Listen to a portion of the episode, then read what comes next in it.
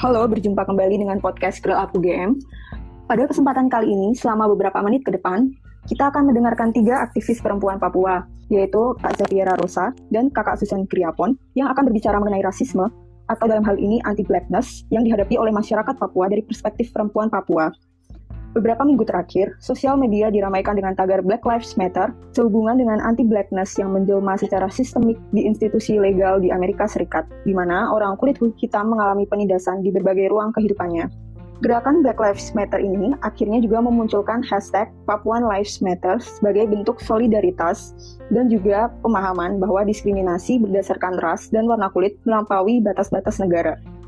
Akan tetapi, perempuan dan pengalamannya sering kali diabsenkan dari pembicaraan mengenai rasisme atau diskriminasi ini karena space atau sphere tempat perempuan berada biasanya di ranah do domestik, misalnya rumah, dapur, dan tempat tidur, sehingga peran perempuan dianggap tidak strategis. Oleh karena itu, penting untuk mendengar bagaimana perempuan Papua sebagai perempuan dengan realitas hidupnya yang mengalami diskriminasi berbasis gender, misalnya tubuh kita menjadi sasaran kekerasan dalam berbagai bentuk, baik seksual baik seksual, ekonomi, sosial, dan lain-lain, dan sebagai identitasnya sebagai orang Papua yang mengalami diskriminasi berbasis ras. Mungkin Kak Susan bisa menceritakan pengalamannya sebagai uh, perempuan Papua yang mengalami diskriminasi berbasis gender dan juga diskriminasi berbasis ras. Kalau pengalaman pribadi, menurutku lebih banyak ya kekerasan berbasis gender karena tidak keadilan gender dan seksual, ekonomi, sosial itu um, menjadi apa ya kalau istilahnya tuh makanan sehari-hari. Dan aku sepakat juga dengan tadi yang disampaikan Kak Aprilia. Dan itu memang benar bahwa apa yang terjadi pada individu kami itu sebenarnya tidak terlepas dari sistem kekuasaan sistem kekuasaan maupun keberadaan negara hari ini. Bahkan rasisme itu terang-terangan terhadap kalau sebagai uh, pengalaman sebagai perempuan mungkin saya akan banyak menceritakan tentang pengalaman saya ketika menjadi uh, mahasiswa di Yogyakarta. Memang kita keadilan mohon ya dan ketimpa apa kekerasan berbasis dan memang sering ketika kawan-kawan perempuan misalnya kawan-kawan perempuan atau saya juga kami kesulitan mendapat kos-kosan di Jogja. Tapi di daerah lain juga tapi ternyata kakak Kak Pria sama Kak Rosa ini berasal eh, pernah juga mengalami pengalaman hidup Jogja. Jadi mungkin akan banyak mengekspor lagi tentang Jogja. Nah tapi saya juga pernah sebenarnya sih tinggal beberapa waktu Bandung, Jakarta dan itu memang terjadi hal yang sama. Jadi ada seperti ketakutan ketika kami mau berinteraksi dengan orang lain. Jadi sebelum berinteraksi orang sudah punya stereotip, orang sudah orang lain sudah punya pandangan stereotip uh, stigma pandangan prasangka buruk, prasangka negatif terhadap kami, mungkin kami mau maling atau yang lain sebagainya gitu. Atau misalnya ketika mencari kos-kosan, kadang tuh kesulitannya itu uh, orang takut kalau kami akan membawa, membuat ricuh, mabuk-mabuk dan lain sebagainya kayak gitu. Nah, terus um, kalau kekerasan seksual ya kadang um, guyonan-guyonan seperti kamu orang Papua kok cantik ya itu eh orang Pak kamu perempuan Papua kok cantik ya ini secara langsung juga bukan kekerasan seksual ya karena itu kemudian um, ya pada dasarnya tuh seakan-akan bahwa mutlaknya tuh perempuan Papua tuh jelek dan lain sebagainya terus uh, mungkin kekerasan seksual di tahap institusi negara. Nah teman saya pernah menjadi korban kekerasan seksual.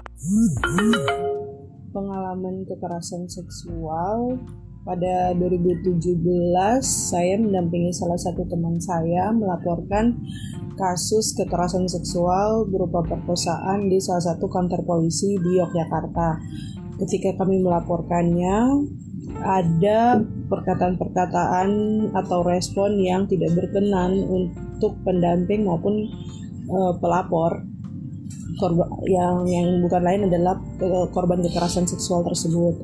Nah di situ uh, polisi kemudian menanyakan anggota polisi saat itu menanyakan usia dari korban di luar keterangan biodata dan juga menanyakan status hubungan antara korban dan pelaku.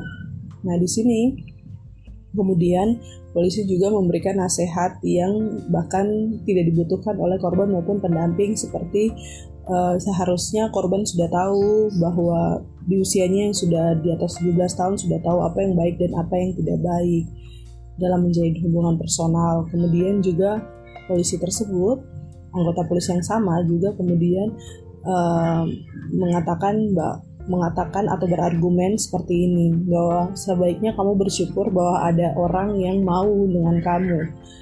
Nah, menurut saya ini merupakan salah satu bentuk diskriminasi. Argumen tersebut merupakan salah satu bentuk diskriminasi seakan-akan bahwa ketika warna kulitnya lebih gelap dan rambutnya mungkin tidak lurus yang merupakan hegemoni standar kecantikan sekarang bahwa e, orang tersebut sangat tidak mungkin mengalami kasus kekerasan yaitu pemerkosaan meskipun pada realitasnya terjadi kasus pemerkosaan terhadap teman saya waktu itu seakan-akan bahwa ya perempuan mau perempuan yang hitam dan seperti ya fisiknya seperti kami ketika ada yang mau sama kami bahkan itu pun tahap pem, mohon maaf tahap pemerkosaan itu pun hal yang harus di merasa apa merasa disyukuri atau dibanggakan karena ada yang tertarik secara uh, karena karena kami perempuan gitu.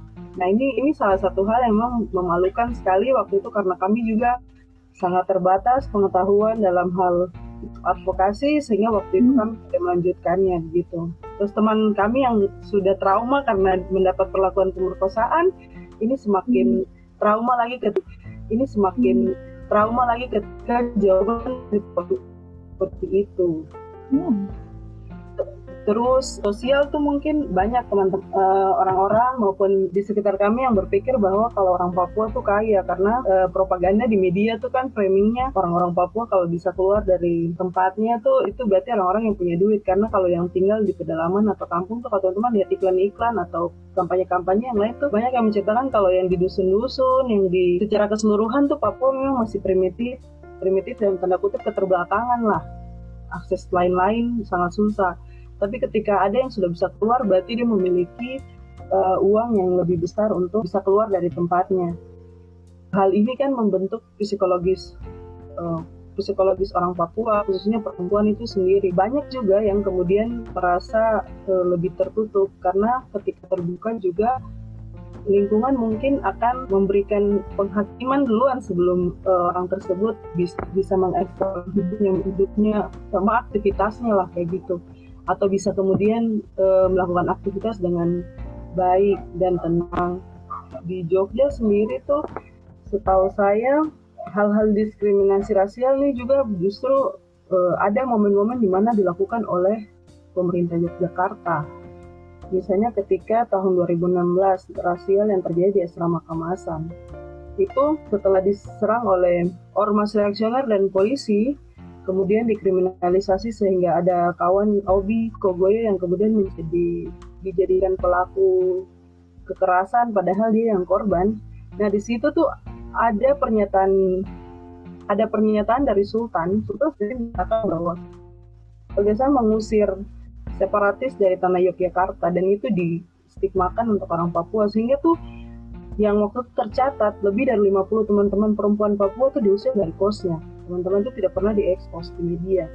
Banyak sekali teman-teman yang harus kehilangan kosnya hingga harus pulang ke Papua karena memang kondisinya di, diusir sudah cari kos susah ketika diusir dari kos lagi tuh benar-benar merasa apa ya itu mengerikan sekali waktu itu. Nah bukan hanya waktu itu saja ternyata di 2019 kemarin itu banyak sekali juga. Mungkin kalau 2019 kemarin saya sangat terbatas eh, dan kawan-kawan terbatas tidak melakukan pendataan, tapi ada banyak kawan-kawan yang kemudian bercerita bahwa mereka juga diusir dari kos-kosannya karena eh, ada pernyataan dari ibu kosnya, kalau bapak kosnya atau pemilik kosnya tuh bahwa oh, kami tidak mau mengambil resiko. Nah, tapi tidak dijelaskan resiko seperti apa. Ketika ada peristiwa rasisme di Surabaya, kemudian mereka justru yang diusir dari Yogyakarta. Ini kan menurut saya tidak masuk akal. Bahkan mereka juga tidak memegang senjata atau hal-hal apa pun tapi mereka diusir saja keluar dari sana. Akhirnya dulu waktu 2019 tuh di, di Jogja tuh kalau biasa di Babarsari tuh banyak kawan-kawan perempuan-perempuan Papua yang keluar pegang koper keluar kayak apa ya, ya kayak diusir. Memang akan diusir. Ketika mereka mau mencoba untuk berbicara mereka takut juga diintimidasi.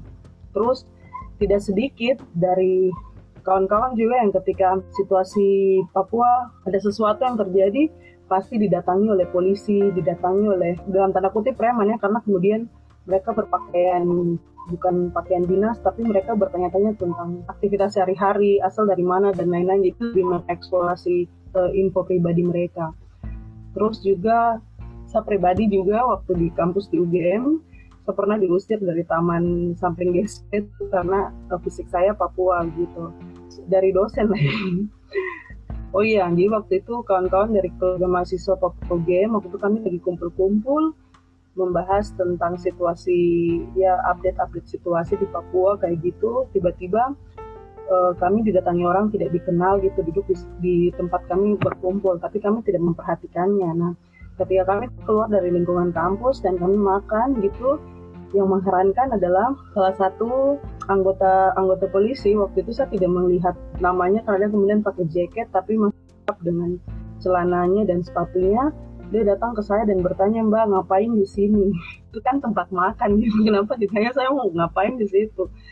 Jadi memang menurut saya itu bentuk-bentuk apa ya diskriminasi dan yang menurut saya sangat mengerikan karena kemudian ini melibatkan negara melibatkan negara karena ada institusi polisi di situ yang kemudian melakukan tindakan-tindakan yang dikatakan ya diskriminasi. Karena kenapa ada perbedaan antara kami dengan yang lain begitu? Dan masih banyak lagi hal-hal yang menurut saya sering terjadi. Kayak mungkin ini tidak menyangkut tentang perempuan tapi tentang mahasiswa. Karena kemudian mungkin ketika uh, saya dan beberapa teman-teman ya datang ikut aksi International Women's Day 2017 di antara banyak masa yang banyak sekali tuh saya juga tidak mengenal polisi tapi polisinya sudah datang ke saya dan bertanya mbak ngapain ikut aksi ini? Gitu. Terus bawa-bawa poster apa nih gitu. Dan menurut saya kayak ada hal yang aneh sekali di situ kan mas. Ya kenapa yang ditanyakan tuh saya gitu. Sedangkan kondisinya bukan saya, bukan sebagai korlap saya juga bukan sebagai uh, perangkat aksi yang lain. Bahkan saya ada di tengah-tengah masa gitu. Kenapa polisinya hanya menyasar ke saya Nah, mungkin sedikit dari saya itu saja dulu. Nanti kalau ada lagi mungkin saya akan tambahkan. Oke, terima kasih banyak Kak Susan. Mungkin kita bisa dengar dari Kak Rosa untuk menceritakan pengalamannya. Oke, iya. Jadi uh, tadi saya mau bilang bahwa kita uh, orang Papua itu mengalami uh, diskriminasi rasial itu sejak kita masih kecil, terutama ketika kita masuk ke dunia sekolah.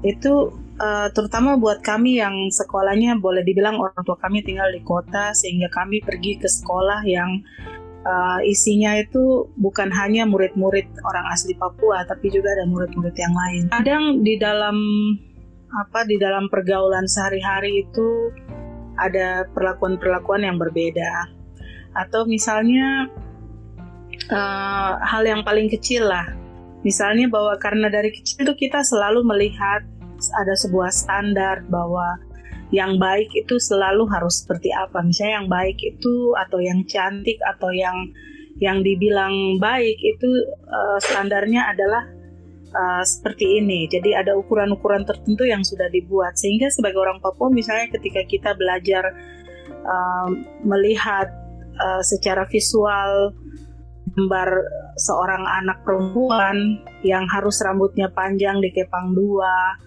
uh, kemudian pakai rok dan lain-lain itu sebuah image yang tergambar di kepala kita dan melekat sampai kita besar itu adalah itu. Jadi kalau perempuan itu harus seperti begini.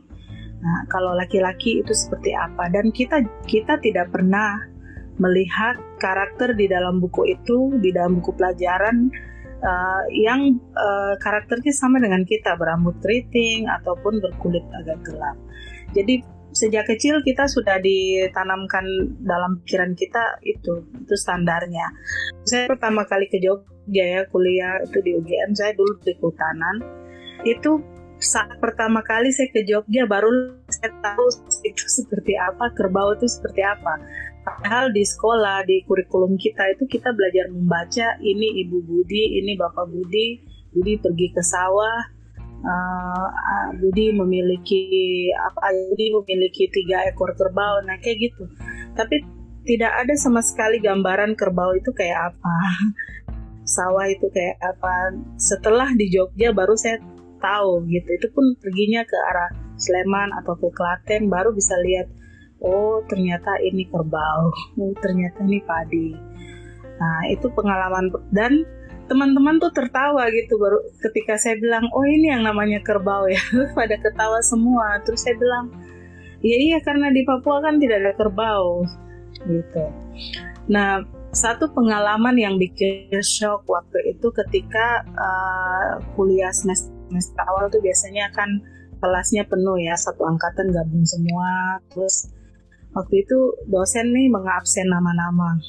Lalu pas dia panggil nama saya ya saya jawab gitu. Terus dia karena saya duduk di belakang atau entah karena mungkin apa jadi dia dari jauh bilang oh kirain cak lanang wedok atau koe ya siapa yang saya kan ya, namanya bahasa Jawa waktu itu saya belum ngerti ya. Jadi saya ini nggak ini ngomong apa dia ini saya tidak tahu.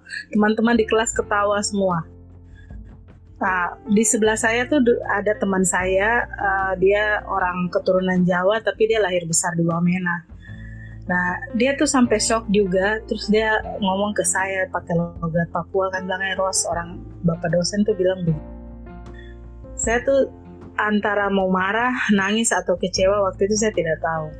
Jadi dan uh, terus tiba-tiba langsung dosennya bilang oh kamu dari Irian Jaya ya maksud saya apa oke okay, baik kalau gitu nah terus dia mulai menjelaskan kepada seluruh kelas tentang apa yang dia tahu tentang Papua dan apa yang dijelaskan tuh salah, sangat salah gitu. Jadi dia menjelaskan bahwa orang Papua itu sangat primitif, mereka tuh masih terbelakang dan sebagainya. Nah, dan ketika saya cuma saya tidak tahu harus berbuat apa ya karena saya teman saya yang anak Jawa yang dari Wamena dia yang gelisah dan dia dia langsung angkat tangan dia bilang maaf pak apa yang bapak bicarakan tuh uh, sepertinya tidak benar karena saya sendiri saya lahir besar di sana dan saya bahkan orang tua saya bertugas di pedalaman sebagai guru. Jadi saya tahu betul apa yang bapak bicarakan tuh tidak seperti itu. Nah itu itu pengalaman saat itu. Lalu pengalaman lain setelah kita uh, sudah cukup berinteraksi dengan banyak orang, kebanyakan orang itu tidak yakin kalau kita bisa berbahasa Indonesia. Karena pada saat itu memang mungkin masih uh, belum banyak teman-teman Papua di di UGM ya. Waktu zaman saya mungkin kita bisa hitung dengan jari berapa jumlah mahasiswa Papua yang ada di di kampus UGM waktu itu. Jadi uh, dengan jumlah yang sedikit itu kami jadi saling tahu apa yang terjadi di kampus mereka gitu. Dan kadang kita suka kumpul dan saling sharing juga apa yang kita alami. Dan ada stereotip atau ada semacam image bahwa kalau orang Papua kuliah di UGM itu pasti dibiayai Pemda dan meskipun mereka tidak mampu otaknya tapi karena punya koneksi dengan pejabat Pemda maka dikasih beasiswa dan waktu itu saya bilang, oh maaf saya bukan beasiswa Pemda, saya ikut tes dan saya lolos uh, lolos sama seperti teman-teman yang lain dan saya dibiayai oleh orang tua saya meskipun orang tua saya cuma seorang guru tapi mereka bisa membiayai saya. Jadi ada ada semacam pandangan-pandangan yang melekat kepada orang Papua. Nah, lalu dalam dunia kerja setelah saya setelah saya kerja itu selalu ada pandangan bahwa uh, orang Papua tidak mampu secara skill teknologi atau pengetahuan itu tidak mampu. Jadi ketika ada hal-hal yang atau tugas-tugas yang uh, lebih sulit misalnya mereka anggap itu sebagai yang lebih sulit mereka akan cenderung memberikan kepada orang lain tapi ternyata uh, itu tidak benar bahwa kita pun mampu untuk mengerjakan itu. Toh sama kan, kita belajar hal yang sama gitu. Sama-sama pergi ke sekolah, sama-sama belajar hal yang sama. Nah, dalam pengalaman konteks di Papua, uh, misalnya dalam dunia kerja juga, misalnya ya, contoh yang paling kecil tuh misalnya ketika kita pergi ke mall, kita bisa lihat berapa banyak atau berapa persen uh, orang asli Papua yang bekerja uh, sebagai uh, sales atau sebagai apa kasir di mall itu jarang sekali. Kebanyakan mereka uh, pada awal-awal ketika mall itu buka misalnya itu jumlah orang asli Papuanya akan sangat banyak gitu. Saya amati setelah beberapa bulan, misalnya bulan setelah itu jumlahnya mulai berkurang, berkurang, berkurang dan akhirnya habis. Nah, bukan karena mereka pindah dan bekerja di tempat lain atau mendapat posisi yang lebih baik, tapi sebenarnya karena ada rasa tidak percaya eh, antara pemilik atau manajemen toko dengan eh, terhadap orang-orang Papua ini. Mereka orang Papua selalu dianggap bahwa kalau laki-laki dianggap ah nanti kalau kerja di sini dia bisa apa bisa mencuri lagi atau paling kalau dikasih gaji setelah itu mabuk-mabukan terus besok-besok bisa mengajak temannya datang untuk me, apa, mengambil apa mencuri seperti begitu. Itu ada pandangan-pandangan seperti begitu. Nah kalau perempuan nanti dilihat dulu secara fisik kamu menarikkah tidak gitu. Kalau kamu menarik di front desk atau di apa kasir tapi itu pun tidak akan bertahan lama karena mereka berpikir bahwa orang Papua tidak percaya untuk menangani mengurusi hal-hal seperti kasir karena takutnya nanti kita mencuri gitu dan itu percakapan saya dengan beberapa beberapa teman-teman yang saya kenal yang pernah uh, menjalani pekerjaan itu dan tidak betah lalu keluar karena merasa tidak dipercaya. Hal lain juga misalnya ketika uh, kita sebagai perempuan Papua misalnya dalam dunia pekerjaan kita bekerja dengan uh, kolega kita itu orang non Papua dan laki-laki. Kita lalu dilihat sebagai lapisan ketiga. Jadi yang kedua itu karena kita perempuan kita dianggap tidak tidak punya otak apa tidak tidak mampu.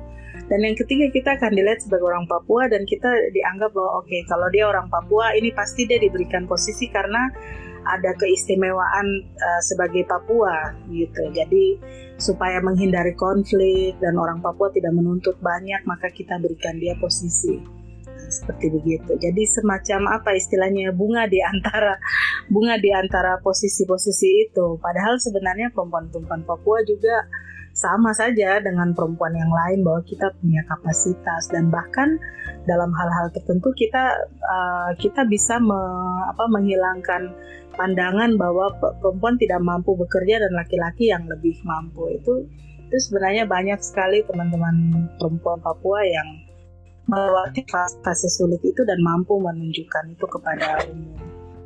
Um, lalu yang berhubungan dengan warna kulit ini saya punya pengalaman uh, bekerja bersama dengan uh, orang-orang uh, asing yang kebetulan saya memimpin proyeknya dan mereka uh, mengerjakan proyek jadi mereka bertanggung jawab kepada saya gitu.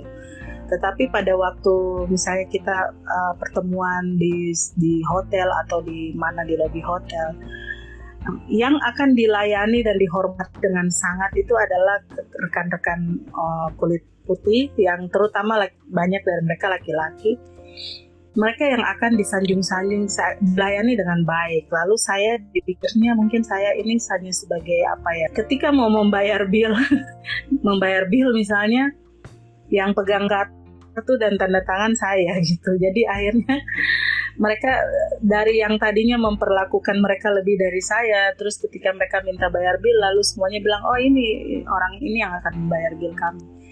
Dan uh, dia dia pimpinan kami gitu. Dia dia yang bertanggung jawab atas proyek ini. Nah di situ mereka entah kaget atau gimana oh iya, iya aduh maaf bu maaf bu. Jadi apa ya ada semacam pandangan-pandangan yang melekat berdasarkan warna kulit juga. Misalnya akses saya dan teman saya lewat di security dia tidak harus menunjukkan ID atau apa-apa gitu dia langsung lewat. Securitynya langsung persilakan dia lewat. Terus saya dari belakang tuh ditahan disuruh cek dan saya sangat marah waktu itu dan saya bilang I'm the boss. Saya harus sampai berkata begitu karena saya ditahan dan tidak boleh lewat. Sementara dia lewat saya sebagai yang bayar bil yang mengatur semua proyek ini saya gitu. Tapi karena dia berkulit lain dan saya berkulit lain saya diperlakukan berbeda. Selain kita perempuan ya perempuan tapi juga orang Papua. Jadi apa dia dia double gitu uh, perlakuannya itu sangat sangat tidak adil. Mungkin dari saya begitu dulu ya nanti baru kita bisa explore lagi. Jadi selanjutnya Pertanyaan kedua, berkaitan dengan pembangunan di tanah Papua dengan adanya pertambangan dan deforestasi masif, misalnya untuk industri agrikultur, tanah Papua terancam akan mengalami kerusakan lingkungan berskala besar. Bagaimana kira-kira proses ini akan berdampak pada perempuan Papua? Mungkin uh, dari Kak Rosa dulu bisa dijawab. Saya pikir uh, tentu saja pasti ada dampak yang cukup besar dari pembangunan itu sendiri Uh, karena pertama paradigma pembangunan di negara ini itu kan paradigmanya sangat apa berorientasi kapitalis dan juga berorientasi eksploitatif. Jadi melihat bahwa suatu yang tidak sesuai dengan standar-standar kapitalis, misalnya soal eh, kalau pembangunan itu tidak bercirikan industri atau pembangunan itu tidak apa mampu mengakomodir kepentingan ekonomi global, ekonomi yang lebih besar yang modern, berarti itu dianggap sebagai sesuatu yang kurang maju atau dianggap masih terbelakang. Nah, karena itu pendekatan pembangunannya juga dibuat untuk memenuhi kepentingan-kepentingan kapitalisme tadi. Nah, itu terlihat jelas dengan kebijakan-kebijakan yang dibuat misalnya melahirkan aturan-aturan yang mengeksploitasi sumber daya alam. Jadi eh, melihat bahwa sumber daya alam itu selalu menjadi komoditas ekonomi dan tidak pernah melihat bahwa sumber daya alam itu sebenarnya merupakan aset yang bisa dipakai untuk pemenuhan kebutuhan hidup masyarakat sendiri dengan cara yang lebih bijaksana karena itu eh, konsep-konsep pengelolaannya selalu konsepnya yang harus industrial industrialisasi jadi yang besar. Padahal sebenarnya masyarakat adat di Papua punya uh, cara sendiri dalam mengelola sumber alamnya. Misalnya ada aturan-aturan yang uh, tidak tertulis tapi disepakati ketika orang mau bangun rumah misalnya kita mengambil kayu secukupnya. Kemudian eh, ada tempat-tempat khusus yang tidak boleh di, diambil atau tempat-tempat khusus yang tidak boleh dikunjungi sebelum masanya ada larangan-larangan gitu. Tapi karena pendekatan bangunannya seperti itu seperti yang tadi saya sebutkan makanya ketika teknologi pertanian ini contoh contoh kasus misalnya teknologi pertanian tradisional itu dianggap kurang baik sehingga harus digantikan Nah, maka terjadilah pembukaan-pembukaan lahan yang lebih besar dan pangan yang berbeda. Misalnya program Soeharto pada waktu zaman Orde Baru itu kan eh, program berasnisasi dan itu tidak hanya terjadi di Papua tapi juga di Kalimantan, Sumatera, Indonesia waktu itu bahwa ada semacam persepsi bahwa ketika orang makan nasi itu akan lebih baik dan ketika orang makan uh, jagung atau sagu atau singkong ubi itu dia kelasnya di bawah gitu. kurang kurang maju. Nah pandangan itu yang membuat kenapa sampai banyak lahan-lahan baru dibuka. Selain juga untuk kepentingan produksi skala besar. Dan ini sangat mempengaruhi perempuan Papua terutama ketika di dalam peran so, peran perempuan di dalam struktur sosialnya atau di dalam masyarakat itu perempuan di uh, selalu mengambil peran sebagai pemberi atau penyedia kehidupan. Artinya dia menyediakan makanan dia mempersiapkan makanan. Ketika dia mas dia ke kebun dia akan mengambil hasil kebun atau dia berkebun dia mengambil itu. Tetapi ketika skala besar pertanian masuk berarti lahannya jadi hilang kan? Lahannya hilang sehingga perempuan sebagai dalam perannya sebagai penyedia makanan atau sumber kehidupan itu menjadi lebih sulit ketika dia harus berjalan lebih jauh mencari sumber-sumber uh, makanan. Misalnya dus biasanya kita sebut itu dusun ya. Ada dusun sagu ada dusun untuk berkebun gitu. Nah itu menjadi semakin jauh sehingga beban kerjanya juga semakin meningkat karena dia harus berjalan cukup jauh. Kalau kita bicara soal beban kerja itu satu satu bagian tertentu lagi yang memang harus dibongkar tetapi kalau dalam kaitannya dengan akses terhadap sumber daya alam misalnya uh, dalam kaitan dengan program pembangunan itu sangat terlihat dengan jelas pengaruhnya. Nah, ini juga terjadi karena di dalam proses-proses pengambilan keputusan itu perempuan tidak banyak dilibatkan. Misalnya ketika ada perusahaan mau masuk, perusahaan biasanya hanya mendekati para laki-laki atau uh, ketua-ketua adat atau yang dianggap mempunyai kuasa dan yang mempunyai kuasa kebanyakan laki-laki. Padahal sebenarnya dalam peran sosialnya, peran sosial budaya, perempuan sebenarnya lebih berperan untuk menjaga tanah. Karena pengetahuan tentang uh, batas-batas tanah, kemudian hak dan silsilah itu biasanya dipegang oleh perempuan. Perempuan tahu itu karena dia mendapat informasinya dari mungkin dari bapaknya atau dari dari om-omnya karena relasi antar anak perempuan dengan om dan dengan keluarga ibunya itu biasanya cukup apa cukup dekat.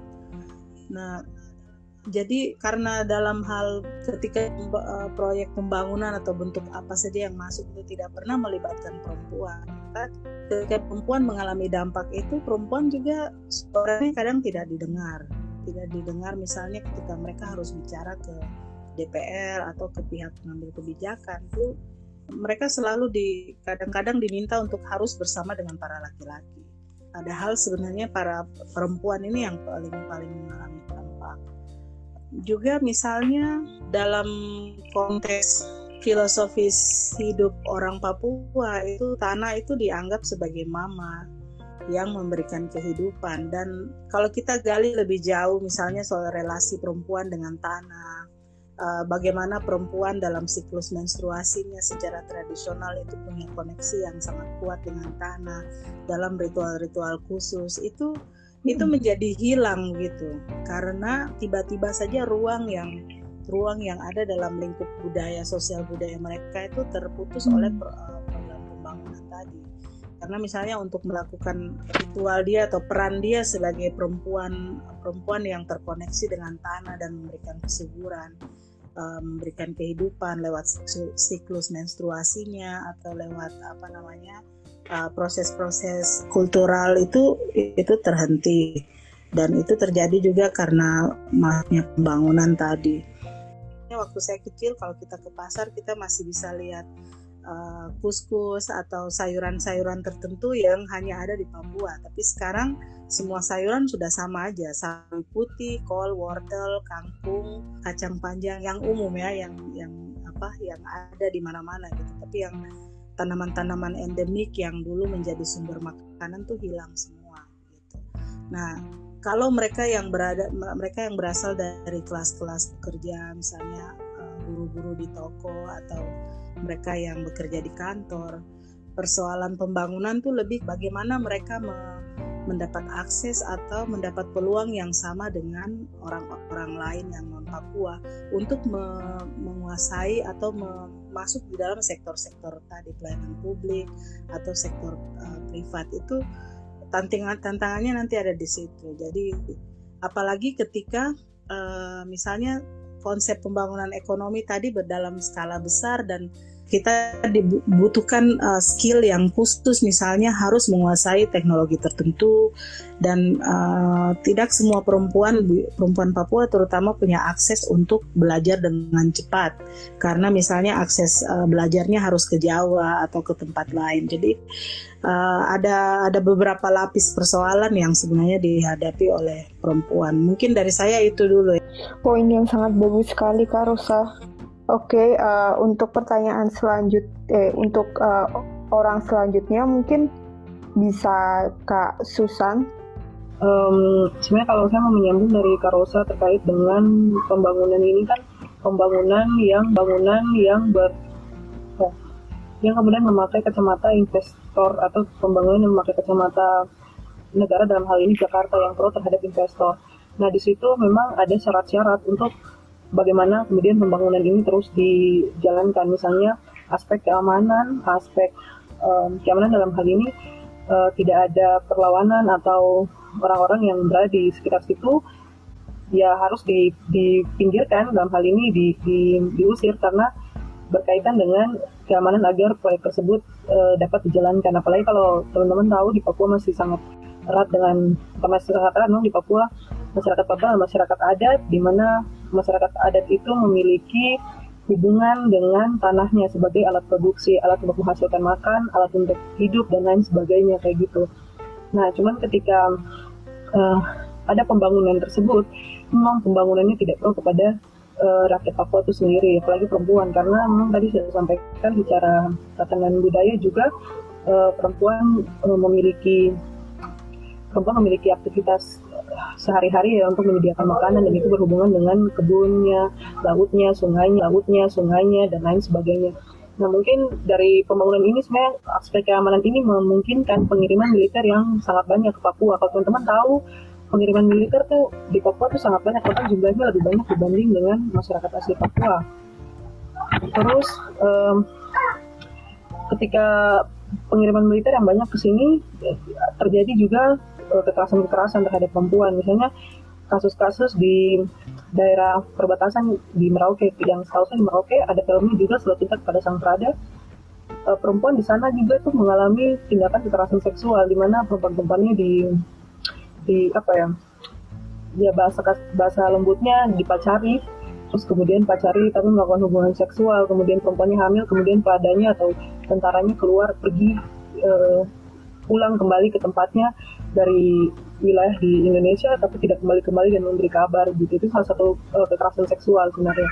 Dan banyak juga kasus-kasus ini di daerah-daerah lainnya cuman memang belum banyak yang terekspos karena memang situasi geografis dari Papua nih uh, sangat luas gitu.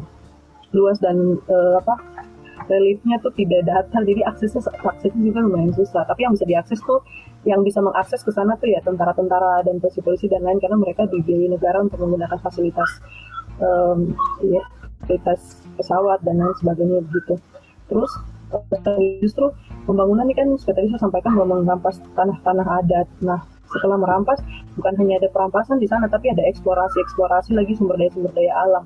Tapi sumber daya sumber daya alam ini kemudian um, di diklaim dan juga di apa ya ada kena pertambangan-pertambangan liar dan itu justru yang melakukan ya tentara-tentara itu sendiri seperti contohnya tentara maupun ada yang dibayar oleh tentara gitu. Misalnya kayak di Korowai kalau teman-teman tahu minta di Korowai itu juga ada pertambangan liar di sana.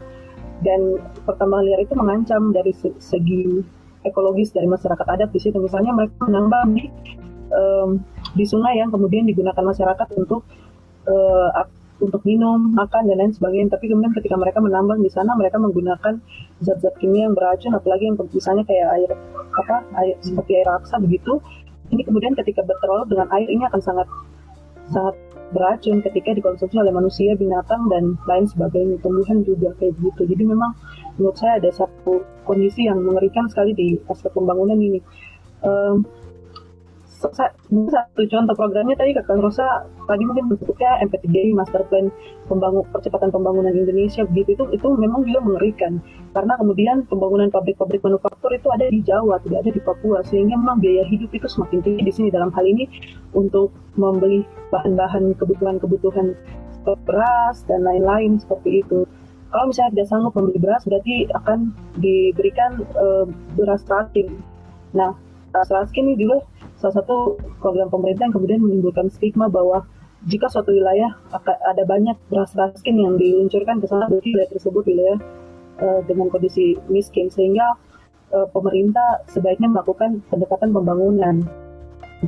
Dan kenyataannya di seluruh Indonesia nih justru Papua, Kalimantan, daerah-daerah yang sumber daya alamnya masih sangat ya masih ada itu yang kemudian dikenai politik tersebut. Sehingga memang eksploitasi itu memang mengerikan sekali gitu mungkin itu saja dulu selanjutnya. Nanti kita tambahkan nanti aja. Terima kasih banyak Kak Susan. Mungkin untuk pertanyaan yang terakhir sebelum kita mengakhiri podcast ini uh, salah satu pertanyaan dari penggemar setia podcast Grow Up uh, sebagai orang non Papua apa yang bisa kami lakukan sih sebenarnya untuk mengadvokasi isu opresi ini di Papua terutama yang berhubungan dengan perempuan supaya kita uh, tidak menutupi suara-suara perempuan Papua. Gitu. Silahkan mungkin uh, yang mau mulai duluan. Uh, mungkin kalau dari saya yang yang apa yang saya pikir teman-teman di yang bukan orang Papua yang ada di apa di Jogja atau di Jakarta atau di mana saja bisa buat ada, adalah yang pertama itu uh, mungkin uh, datanglah sebagai uh, sebuah gelas yang kosong dan uh, bersedia untuk mendengar dulu, mendengar cerita dari orang Papua.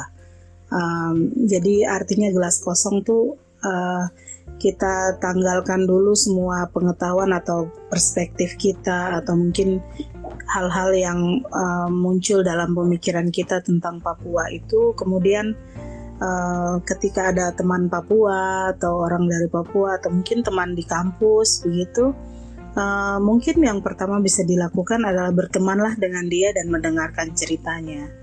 Nah, dari mendengar itu pasti akan banyak muncul uh, penas rasa penasaran, tapi juga pertanyaan, tapi juga pemahaman-pemahaman. Uh, Jadi saya pikir mungkin setelah mendengar, baru nanti teman-teman sendiri bisa memutuskan apa yang kira-kira teman-teman bisa buat mulai dari diri teman-teman sendiri sebagai individu sampai pada tingkatan komunitas, misalnya di komunitas perempuan di kampus atau komunitas apa saja di mana teman-teman berada. Jadi saya pikir mungkin itu langkah yang uh, yang paling awal ya. Uh, karena saya juga punya pengalaman seperti gitu waktu saya kuliah uh, ketika saya mengalami tindakan rasisme yang waktu itu saya belum bisa men menamainya uh, ketika mendapat pertanyaan-pertanyaan tuh pertama saya uh, seperti apa ada resistance dari saya untuk marah dan tidak menjawab. Tapi kemudian saya berpikir oh tidak. Bisa jadi teman-teman saya ini belum paham belum mengenal Papua secara lebih mendalam. Sehingga kami akhir akhirnya saya punya banyak teman yang kami mulainya dari bercerita saja gitu. Cerita tentang kehidupan saya tentang situasi Papua hal-hal yang uh, yang sebenarnya tidak ini apa tidak tidak bersifat politis sama sekali ya. Kadang orang takut menyentuh uh, pembicaraan dengan topik Papua itu karena takut bersifat politis. Tapi saya pikir sebagai manusia hal pertama yang kita lakukan sebagai sifat alami manusia adalah berteman dan mendengarkan cerita dan dari situ kita bisa membangun apa pemahaman-pemahaman bersama gitu. Saya pikir mungkin itu yang bisa dimulai dulu sebagai langkah pertama. Terima kasih. Hmm, mungkin saya selanjutnya hal yang perlu dilakukan tuh menurut saya kita per perlu juga melihat apa yang terjadi di masa lalu karena masa lalu juga menentukan apa yang terjadi hari ini gitu. Bagaimana sistem-sistem tadi Kak Rosa sudah sampaikan langkah awal yang bisa dilakukan dan menurut salah satu caranya juga kita harus melihat apa yang terjadi di masa lalu. Sistem kolonialisme seperti apa di Papua, sistem imperialisme seperti apa, militerisme seperti apa, dan ini terkait juga dengan pandangan media mainstream di Indonesia. Karena pandangan media mainstream di Indonesia selalu memberikan perspektif yang sangat jauh berbeda dengan apa yang terjadi di Papua. Contohnya seperti Papua tempat konflik orang-orang suka perang dan lain sebagainya tanpa ada uh, perspektif yang berimbang dari kondisi Papua pada umumnya yang sebenarnya. Sehingga menurut saya langkah awal yang teman-teman bisa lakukan yaitu ya menurut saya lebih kritis lagi mencari tahu tentang apa yang sebenarnya terjadi di Papua. Mengapa pemerintah kemudian melakukan isolasi yang benar-benar apa ya benar-benar mengerikan begitu di Papua? Terus selanjutnya hari ini sudah banyak hal yang terjadi. Misalnya kenapa orang Indonesia juga turut bersolidaritas untuk solidaritas untuk rakyat Papua karena kemudian ada hal-hal yang sebenarnya tidak sesuai dengan apa kepentingan negara di Papua begitu dan ini menurut saya sangat bagus kita bisa kemudian melihat dari perspektif-perspektif yang lain tidak hanya melalui kacamata pemerintah kacamata negara karena tadi sudah saya sampaikan di awal bahwa kacamata negara ya kacamata untuk mengeksploitasi karena menggunakan uh, perspektif dari investor atau pemodal-pemodal itu sendiri. Itu saja mungkin yang saya mau sampaikan. Baik, terima kasih banyak uh, untuk Kak Rosa dan juga Kak Susan. Sayang sekali perjumpaan kita cukup di sini. Terima kasih banyak sekali lagi buat kakak-kakak yeah. semua uh, untuk ilmunya, untuk sharing informasinya. Kami mohon maaf kalau misalnya hanya ini saja yang bisa untuk saat ini bisa kami lakukan untuk kakak-kakak semua. Semoga kita sehat selalu, aman selalu, dan terima kasih banyak sekali lagi. Terima kasih telah mendengarkan podcast Grow Up UGM. Sampai bertemu di kesempatan selanjutnya.